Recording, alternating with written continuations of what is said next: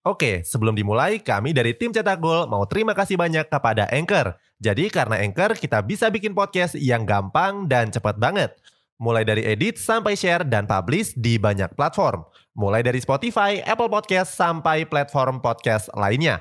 Aplikasi Anchor ini gratis, bisa di-download di App Store dan Play Store atau kamu juga bisa akses di website www.anchor.fm. Jadi sekali lagi terima kasih kepada Anchor yang bikin Cetak Gol punya podcast yang bisa kamu dengarkan sekarang. Banyak pemain-pemain top Eropa yang cuma tampil apik di level klub. Buktinya mereka nggak sesuai ekspektasi saat tampil bersama timnasnya. Alasannya karena rekan-rekan setimnya kurang bisa diandalkan. Cetak Gol coba merangkumnya sebagai berikut.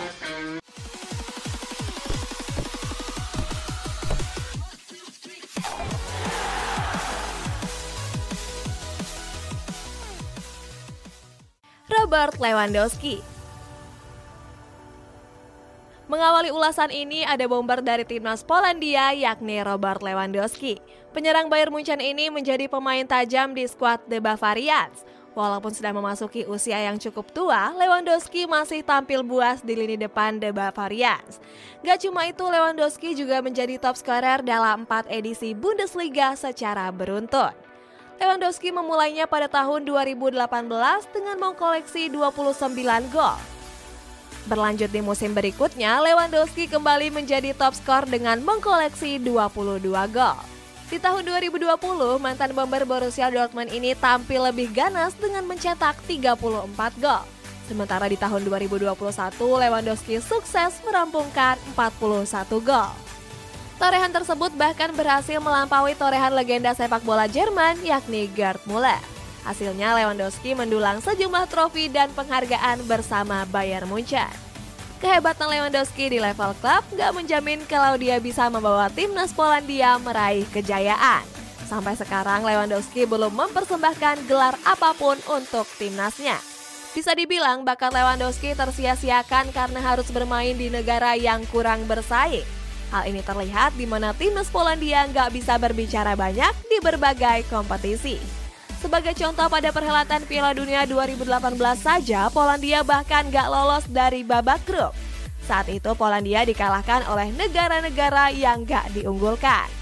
Lewandowski CS dikalahkan Senegal dengan skor 2-1 dan Kolombia dengan skor 3-0. Kekalahan 1-0 atas Jepang juga membuat mereka terpuruk di dasar klasemen grup. Zlatan Ibrahimovic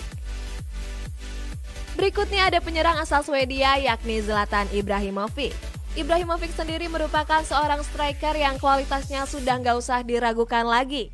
Sejumlah trofi bergengsi pernah diraihnya kecuali trofi Champions League. Pemain yang kenyang akan pengalaman ini pernah membela klub-klub penguasa Eropa, mulai dari Barcelona, Manchester United, PSG sampai Inter Milan. Walaupun sudah memasuki usia uzur, bomber veteran ini masih tampil gacor dengan mencetak banyak gol. Ibrahimovic baru bergabung dengan AC Milan pada tahun 2020 kemarin.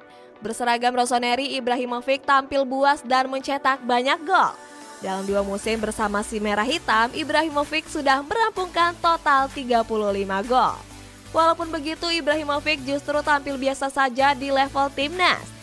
Di perhelatan Piala Dunia, Swedia juga nggak mampu unjuk gigi. Bahkan pada beberapa edisi Piala Dunia, langkah Swedia terhenti di babak kualifikasi.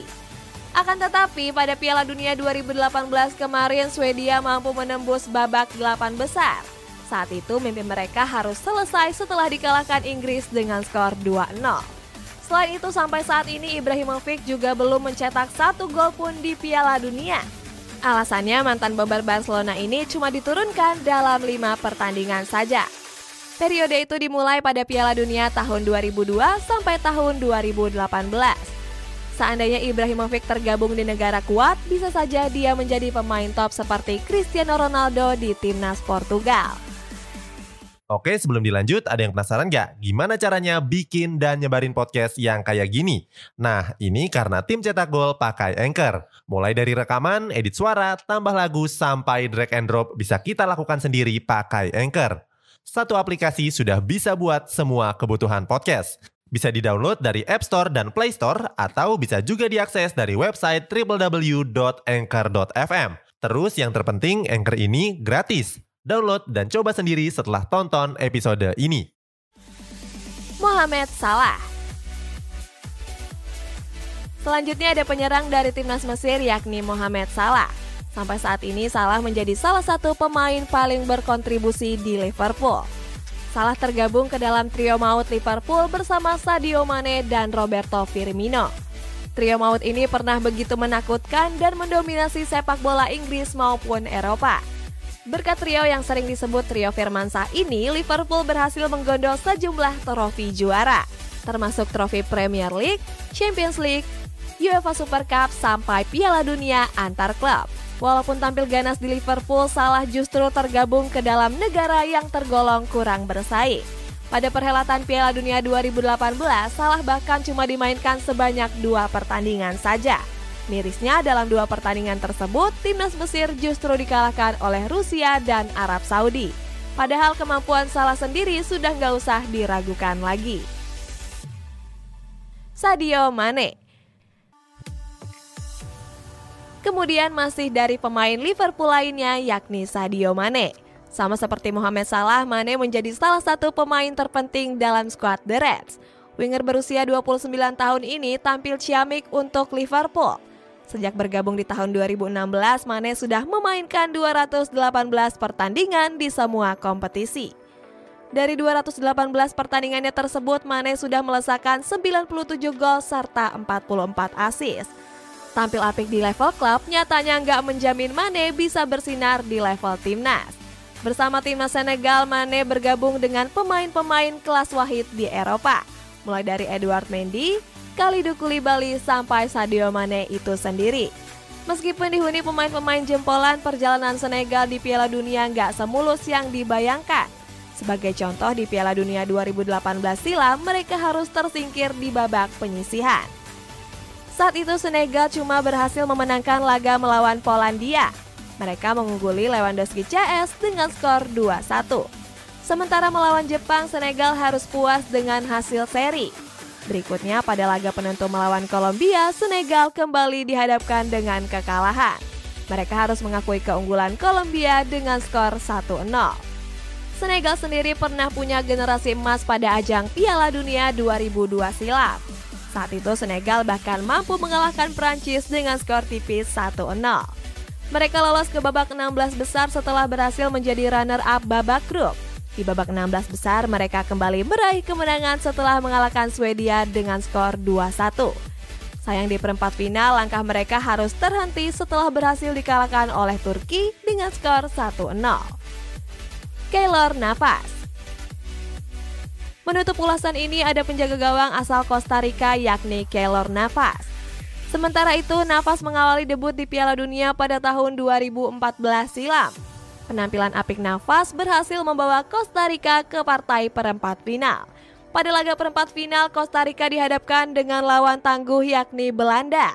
Setelah tampil sengit dengan skor kacamata, Costa Rica harus menyerah pada babak adu penalti. Pada perhelatan Piala Dunia tersebut, Navas berhasil mencatatkan dua clean sheet. Performa menjanjikan Navas membuatnya kembali dipanggil oleh skuad Costa Rica di Piala Dunia 2018. Di perhelatan Piala Dunia edisi tersebut, langkah nafas bersama Costa Rica terhenti di babak grup. Saat itu mereka dikalahkan Serbia dengan skor 1-0. Berikutnya Costa Rica kembali menelan kekalahan dengan skor 2-0 atas Brazil. Sementara pada laga penentunya, Costa Rica cuma bermain imbang 2-2 melawan Swiss. Itulah pemain-pemain hebat yang tampil bersama timnas non-unggulan. Bagaimana menurutmu? Apakah mereka seharusnya bertahan atau pindah ke negara yang lebih kuat?